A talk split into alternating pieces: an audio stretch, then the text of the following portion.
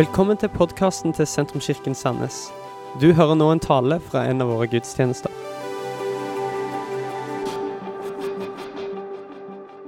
Du, mitt eh, navn er Solveig og er en av eh, pastorene her i kirka. eh, Og skal få lov til i dag å dele Guds ord med oss. Så det er fint. Og det er jo, det er jo vår. Åh, det er nesten, det er nesten T-skjortevær. Jeg var på stranda i går, og der så jeg noen unger som bada og løp rundt naken i et kvarter. Og jeg lurer på om de er syke i dag. Men det er nesten T-skjortevær. Eh, og livet blir litt sånn enklere med sol. Ja, det syns i hvert fall jeg. Og det er april, og du ble kanskje grundig lurt på mandag. Ikke vet jeg. Kan ikke du snu deg til sidemannen hvis du ble eh, Eller uansett, fortell om du ble lurt, og hva ble du lurt av på mandag? Aprilspøk, altså. Det vi snakker om nå.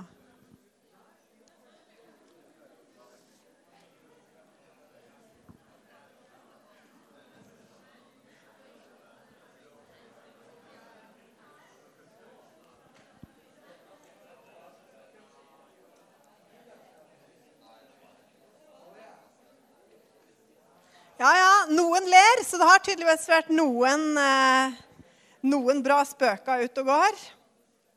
Jeg var livredd for å bli Jeg hater å bli lurt. Så jeg sa til Marius når jeg la meg på kvelden jeg håper ikke jeg blir lurt i dag.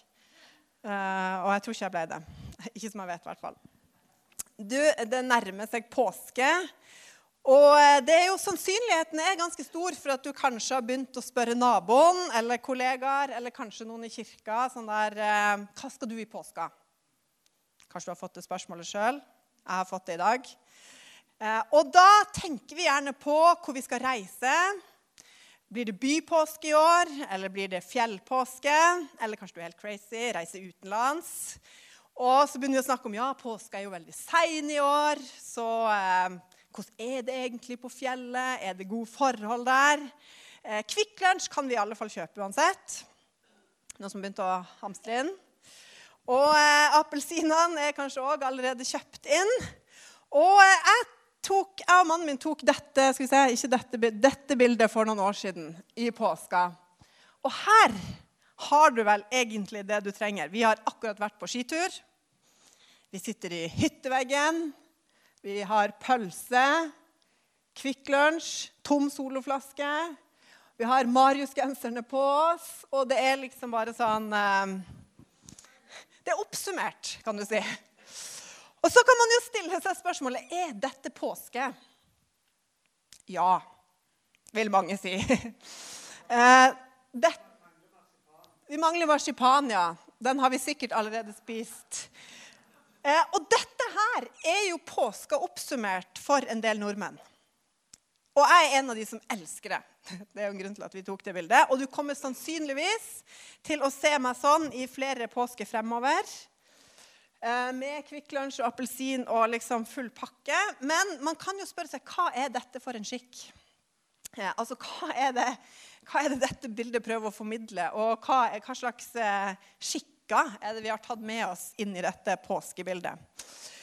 Da påska først ble innført for israelsfolket for flere tusen år siden, så var de i fangenskap i Egypt, og de ville bli fri fra slaveri. Og Moses, som var eh, lederen i folket, han hadde fått i oppgave fra Gud om å gå til farao, eh, kongen i landet, og be om at kan ikke du la folket mitt få gå? Eh, det er ikke her vi hører hjemme. Vi vil bli satt i frihet. Og Moses gikk til farao for å be om det her. Men farao han ville ikke det, fordi at israelsfolket de var jo veldig nyttig. og Han trengte disse slavene, og de gjorde godt arbeid for seg. og han ville ha de der. Eh, og Vi kan lese om dette i begynnelsen av andre Mosebok. Eh, og hvordan liksom, det her folket prøver å komme seg fri fra dette fangenskapet. Og Veldig kort oppsummert eh, så sender Gud ulike plager til Egypt for å overbevise farao om at du må høre på Moses. Du må la dem gå. Du må se at han guden som dette folket tilhører, han er større. Du må sette mitt folk fri. Eh, og Gud sender faktisk ulike landeplager à la gresshopper. Det kommer masse frosker. Det er jo også sånn, Nå er det liksom vår snart rundt Stokki. Da er det liksom fullt av frosker. Eh, men eh, der var det jo bare sånn frosker det tok helt av. Det ble sendt lus. Det har vi òg hatt i barnehagen nettopp. Eh, og eh, insektsvermer. Det var liksom hagl og plage etter plage. For liksom, og så gikk Moses Farao, kan ikke du la folket mitt gå? Og han sier nei igjen og igjen og igjen, selv om på en måte Gud har vist seg på denne måten. Og I kapittel 12 i andre Mosebok så innstiftes påsken. Eh, og det skjer i forbindelse med den aller siste plagen som Gud sender til landet. Og den siste landeplagen som kommer til Egypt, er faktisk Det er helt grusomt. Det er at alle førstefødte må dø. Ja, det er heftig. Og men, Og så er det liksom plagen som skal sendes til landet. Men så får Moses beskjed om at du kan si til folket ditt at de skal slakte lam, og så skal de spise det. Og noe av det blodet dere får fra de lammene dere slakter, så skal dere stryke på dørkarmene. Så de tar blod fra lammet, stryker på dørkarmene og over bjelken på huset. Og så, og så, sier Gud det at det blodet det gjør at når dødsengelen kommer, så skal han gå forbi. Dette huset skal spares, blodet beskytte, og de som bor i huset her, skal ikke dø. Og det er jo da Gud sier sant? døden skal gå forbi, den førstefødte skal spares her, og dere skal få gå i frihet. Og så sier han etter det så skal dere bli satt fri fra slaveriet. Og så sier han dette her skal være en minnedag. Det er noen ting dere skal feire som en høytid i slekt etter slekt. Og ordet, Selve ordet påske betyr faktisk å gå forbi. Så når vi sier påske, så er det noen ting som har gått forbi. Og så fortsetter Gud å si at når dere så har kommet inn i frihet, inn i det der egne landet dere har, så skal dere feire dette igjen og igjen og igjen hvert år. Og Vi skal lese fra 2. Mosebok eh, kapittel 2 eh, og vers 12 om når påska innstiftes for første gang. Eh, et utdrag 12.25. Når dere så kommer inn i det landet Herren har lovet å gi dere, skal dere holde denne skikken ved lag. Og når barna deres spør, hva er dette for en skikk, skal dere svare, det er påskeoffer for Herren, fordi han gikk forbi israelittenes hus i Egypt da han slo egyptene ned, men sparte husene våre. Da bøyde folket seg til jorden og tilba. Så gikk israelittene bort og gjorde dette, og det Herren hadde gitt Moses og Aron påbud om, det gjorde de. Hva er dette for en skikk? Og det er jo et, det er liksom spørsmålet jeg har lyst til å stille oss i dag. da. Hva slags skikker er det vi holder fast på? Har kalenderen noen ting å si? Du vet, den, Når vi får opp eh, kalenderen her sant? for april i 2019, så har den en del røde dager. Eh, og nesten, ja, Alle måneder har bl.a. søndager som røde dager. da. Vi har noen sånne dager i kalenderen vår som er sånne annerledes dager. Der vi sier at i dag det er rødt, det er et avbrekk fra det som er normalt. Eh, og det er noen ting som kommer år etter år etter år i kalenderen vår for å fortelle oss at nå skal vi stoppe litt opp her. Nå skal vi gjerne få fri fra jobb. Det er jo kanskje det som er høydepunktet for mange med disse røde dagene. Men jeg vil si at de her røde dagene har potensial faktisk til å forme oss som mennesker. Og som forteller noen ting om livet vårt og hva som er viktig for oss. Og hva skal vi da svare at dette her er. Når barna våre spør, eller når folk spør hva er liksom poenget med de røde dagene, er det at vi skal få en ekstra dag fri fra jobb, eller er det noe mer skikk bak det her? Og markedet, eller liksom på en måte kjøpestand og alt mulig, har jo kommersialisert disse røde dagene. Eh, at det liksom bare er sånn der. ikke sant? Året begynner, og vi begynner med januarsalg. Eh, og eh, du bør jo kjøpe alt du ikke fikk da kjøpt før jul. Og det er liksom bare kjøpefest. Så kommer Valentine's Day, og så kommer påske med Kvikk Lunsj og påskehare og appelsiner. Så kommer det mai med masse røde dager som ingen har peiling på hva vi har. Men OK, ja, langhelg. Nå kan vi reise ut i Europa på storbyferie. Så kommer sommerferien, så kommer halloween, og så kommer sant, Black Friday, og så kommer det jul, og så er det kjøpefest igjen. Og så er liksom på en måte det her kalendereventene i kalenderen vår gjort om til sånn der Kjøp dette, få med deg dette salget, reis dit. Og det er jo kjekt. Jeg syns masse av det er kjekt. Eh, men det formidler og forteller noe på sikt hvis det er bare det jeg stopper opp med. Og påske, hva er det for en skikk? Hvorfor feirer vi påske? Over 1000 år etter at jødene sin påske først ble innstifta, så eh, feirer Jesus påske sammen med sine disipler. Og De følger skikkene, de følger tradisjonene, og de feirer høytid. Eh, og De er samla, og de spiser det tradisjonelle påskemåltidet med lam, sånn som da den første påska, eh, og hele pakken. Men så midt i det måltidet så gjør Jesus noe som er litt rart. Eh, og vi skal lese det òg fra Matteus kapittel 26. Og da, Her er de altså da midt i påskefeiringa, midt i påskemåltidet, Jesus sammen med sine disipler. Så står det Mens de holdt måltid, tok Jesus et brød, takket og brøt det, ga disiplene og sa, Ta imot og spis. Dette er min kropp. Og han tok et beger, takket, ga dem og sa, drikk alle av det, for dette er mitt blod, paktens blod, som blir utøst for mange, så syndene blir tilgitt. For deg som eh, kanskje er vant til å gå i kirke, så er dette ord du har hørt mange ganger før. Og Derfor er det veldig naturlig, og vi leser de ofte i forbindelse med nattverd. Eh, når vi er samla i link-gruppe, så er dette noen av bibelversene vi ofte leser i forbindelse med nattverden. Men for deg som kanskje er litt ny til kirke, eller for de som satt der, så er jo dette litt spesielt å si. Jeg Er ikke enig i det? Hvis du liksom satt i julemiddagen, eller liksom et eller annet greie, og så plutselig er det en som sitter der og så bare tar opp et brød bryter det og sier liksom, 'Ta det og spis. Dette er min kropp'. Det, det er speisa.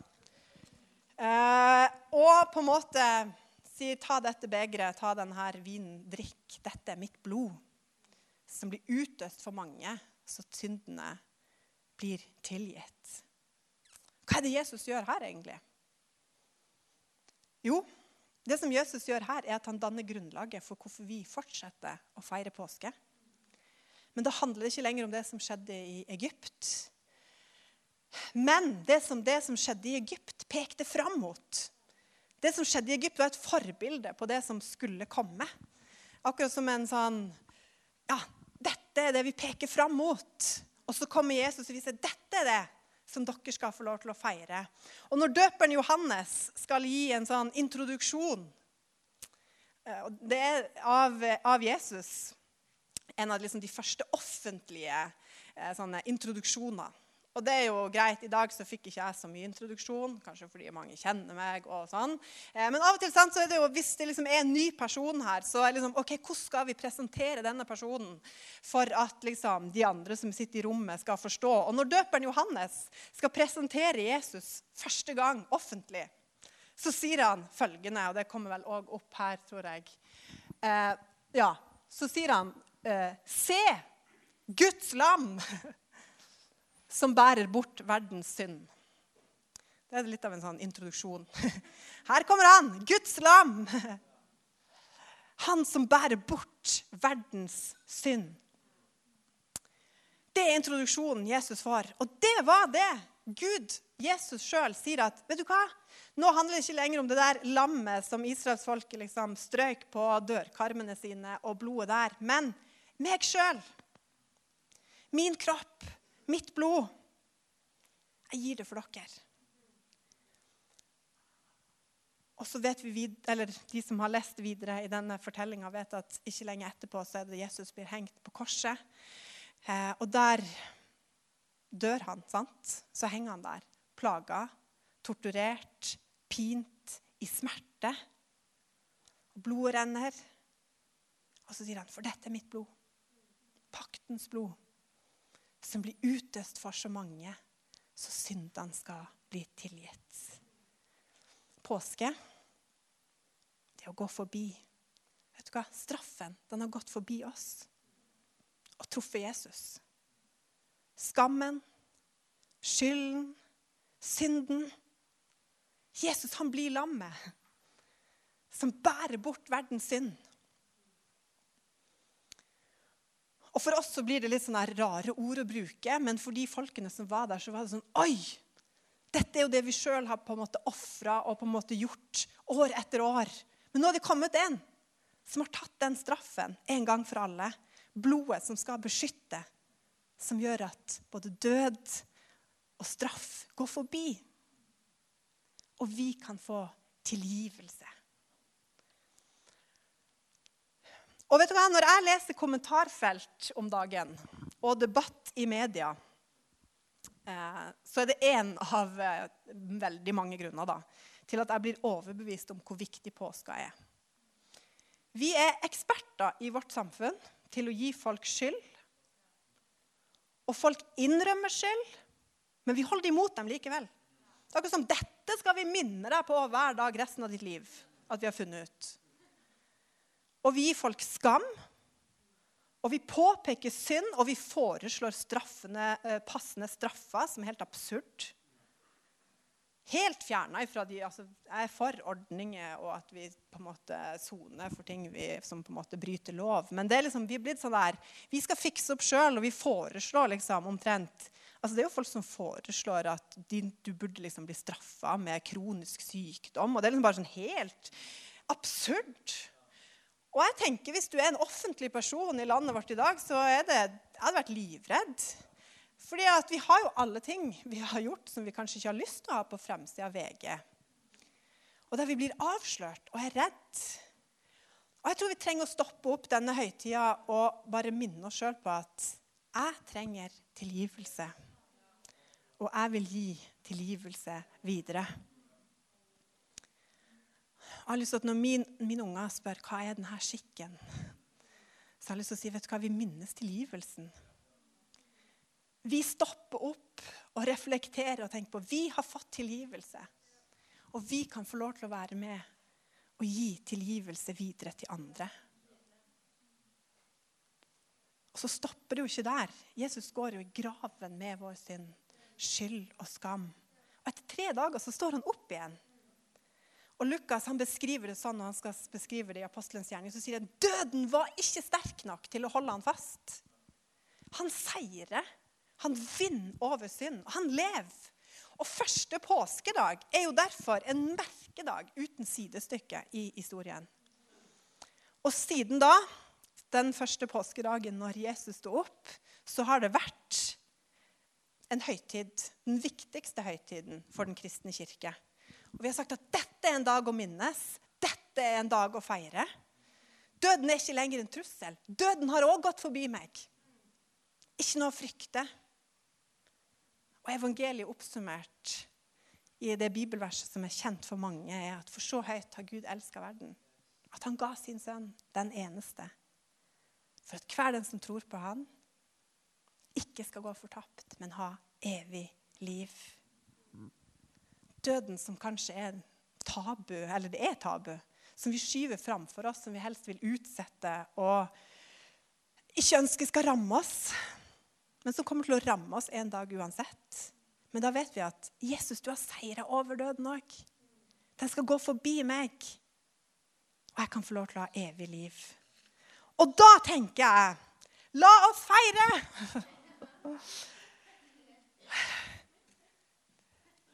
Kanskje vi burde forandre spørsmålet om hva skal du i påska til. Hvordan skal du feire påske i år? Hvordan skal du feire påske i år? Trenger vi de røde dagene? Trenger vi påske? Kan vi ikke feire Jesus hver dag hele året? Er det ikke det vi gjør hver eneste søndag? Jo, Men prøv å si til en fireåring eh, jeg tror ikke vi trenger bursdagen din i år. Selvfølgelig så er vi like glad i han uansett. Eh, og vi trenger sånn sett ikke en bursdag. Men bursdager gjør noe med oss likevel. Det er sentimentale Instagram-poster, det er offentlig deklarasjon, og det er feiring av noen ting som betyr noe for oss. Min farmor hun ble 98 år på torsdag. Det er jo heftig. Eh, og jeg tenker ofte på farmor. Eh, men på bursdagen er det liksom noe ekstra.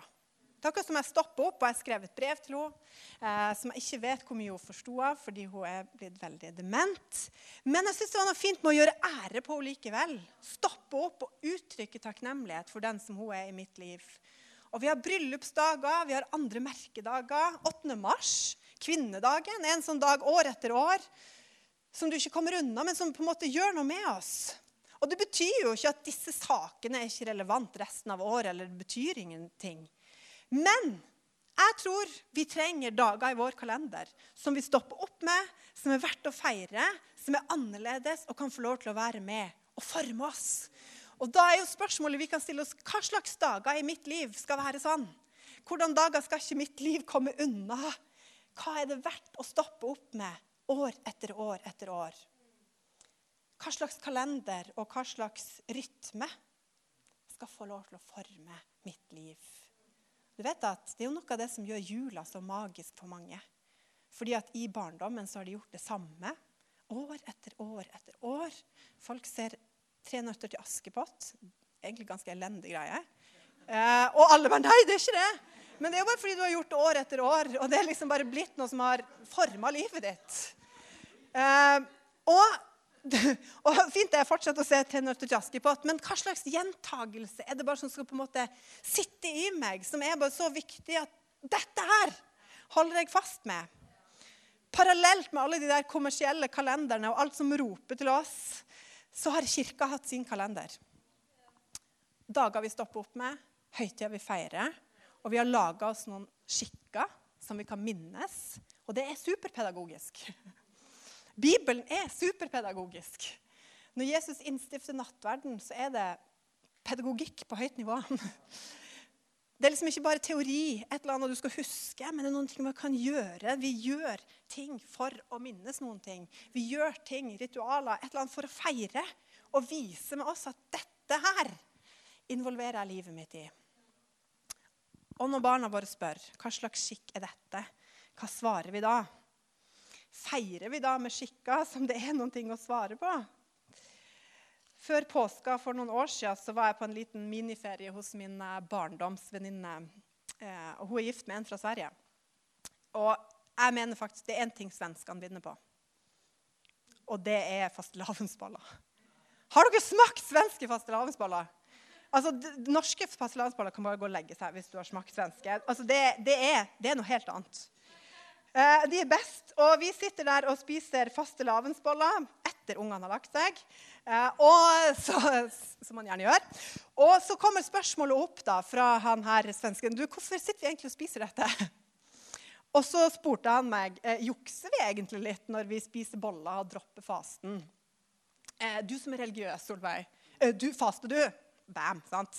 og for han var litt sånn, ja, Hva slags skikk er egentlig dette her? Og så vi fikk en uh, samtale der om faste og greier. Uh, og det er jo litt sånn Hva er alle disse skikkene? Hva svarer vi når folk spør? Og jeg skal spise Kvikk Lunsj og appelsin i påska. Jeg skal det. Kanskje skal jeg gjemme et påskeegg og lese påskekrim om jeg ikke er for trøtt. Uh, men kanskje er det òg andre ting som burde få en plass. Er det bare det som skal være påske for meg og de rundt meg og familien min? Hva slags skikk er det her? Og jeg tenker la oss feire påske. La oss pynte huset. La oss sette oss ned og lese Bibelen. Og lese påskefortellinga. Da får vi masse røde fridager til å gjøre det på. At vi kan sette oss ned og minnes dag for dag med fortellinger med sanger, med handlinger, det vi gjør. Spis påskelam. Hvorfor gjør vi dette her? Jo, det er for å minnes Jesus. Kanskje kan vi dele nattverd hjemme? Sammen med familie eller venner.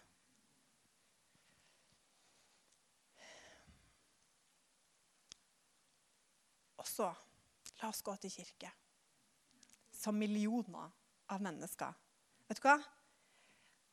Neste uke, altså de neste to ukene, så er det millioner av mennesker som kommer til å gå til kirke. For å feire Jesus sin oppstandelse.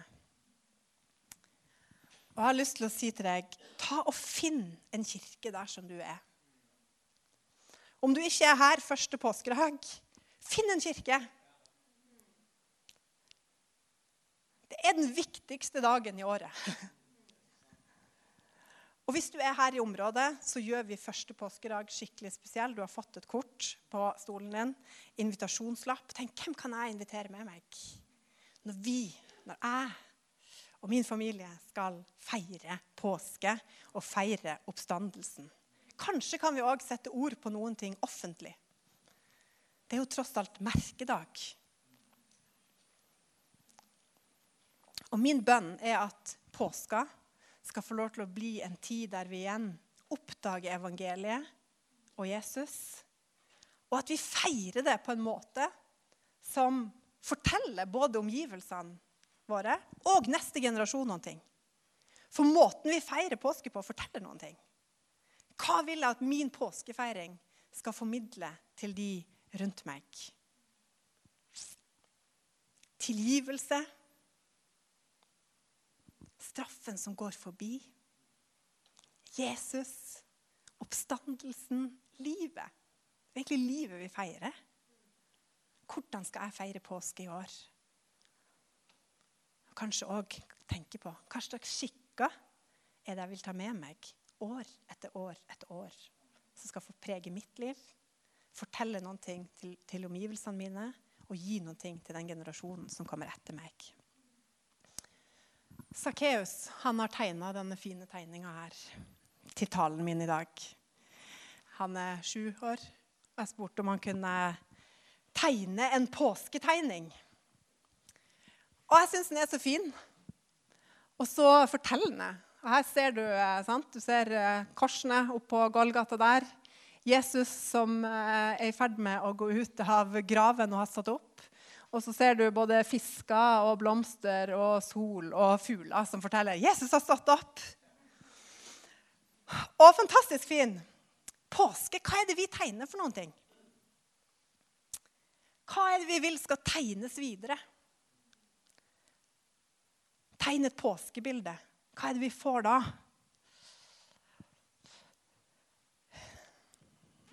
Jesu død og Jesu oppstandelse. Er du klar for å feire? Hæ? Er forberedelsene i gang? Vet du hva? Det nærmer seg fest, folkens. Og det er bare å glede seg. Jeg kjenner jeg girer meg mer og mer nå når jeg står her. Det, er, det, begynner neste helg, og vi har både første, ja, palmesøndag og første påskedag. Og så kan du få gjøre masse greier imellom der med familie og venner. Men dette blir bra. Det blir bra. Bandet kan få lov til å eh, komme opp.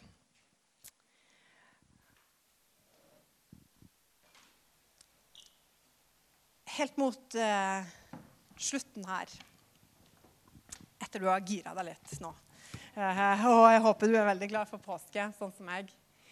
Men så har jeg lyst til å gi en invitasjon eh, til deg som eh, kanskje ikke har sett at påska faktisk gjelder mitt liv. Som, eh, der man tenker at ja, det er bare liksom, noen røde dager, og hva har det med meg å gjøre? Men vet du hva? Påska det er jo en høytid som virkelig gjelder vår liv. Der vi kan få lov til å ta imot det som gjør at straffen går forbi, at døden går forbi. At vi kan få lov til å ha en relasjon til Gud. Og I Johannes så kan vi lese om en, en historie om eh, når Jesus møter en venn av seg, Martha. Og Hun er i en vanskelig situasjon. Det har vært dødsfall i nær familie, og de er i sorg. Og hun er lei seg, og hun sier til Jesus å, hadde du bare kommet litt før Jesus, så kunne broren min vært redda. Og eh, det er jo kaos og sorg som det er når det er nære som dør. Og vi skal lese et utdrag fra den samtalen som eh, Jesus da har med oss. Så sier Jesus til henne Jeg er oppstandelsen og livet. Den som tror på meg, skal leve om han enn dør. Og hver den som lever og tror på meg, skal aldri i evighet dø. Tror du dette? Tror du det? Og Vi kan lese videre i samtalen, så sier Martha ja, jeg tror det. Hva med oss? Litt seinere i den historien òg så vekker faktisk Jesus opp broren til Martha fra de døde. Og viser at, igjen som et forbilde på det som han sjøl skal på en måte gjøre, vinne over døden en gang for alle. Men han viser at vet du hva, døden er heller ikke noe problem for meg. Jeg er sterkere, og Lasarus vekkes til liv. Men det som Jesus sier her til Martha, er jo kjernen i det vi tror på, og det vi skal få lov til å feire nå i påska. At Jesus er oppstandelsen og livet. Den som tror på meg, skal leve om han enn dør. Og hver den som lever og tror på meg, skal aldri i evighet dø. Tror du dette? Det handler om dette livet, og så handler det om det livet som kommer etter døden. Og tenk, vi kan få lov til å tro. Vi kan få lov til å ta imot tilgivelse og vite at Jesus sitt blod, det er gitt for meg. Var ikke strøkket på dørstolpa, men det rant der på korset. Sånn at jeg kunne få lov til å bli tilgitt. Og vite at hans blod, det, det renser meg. Jeg kan få lov til å leve livet mitt i fellesskap med Gud. Og det er så utrolig stort. Dette var slutten på denne talen. Håper du har blitt inspirert. Om du har lyst til å vite mer om hvem vi er, eller hva vi gjør, eller har lyst til å høre flere podkaster, så kan du besøke vår nettside sentrums.no.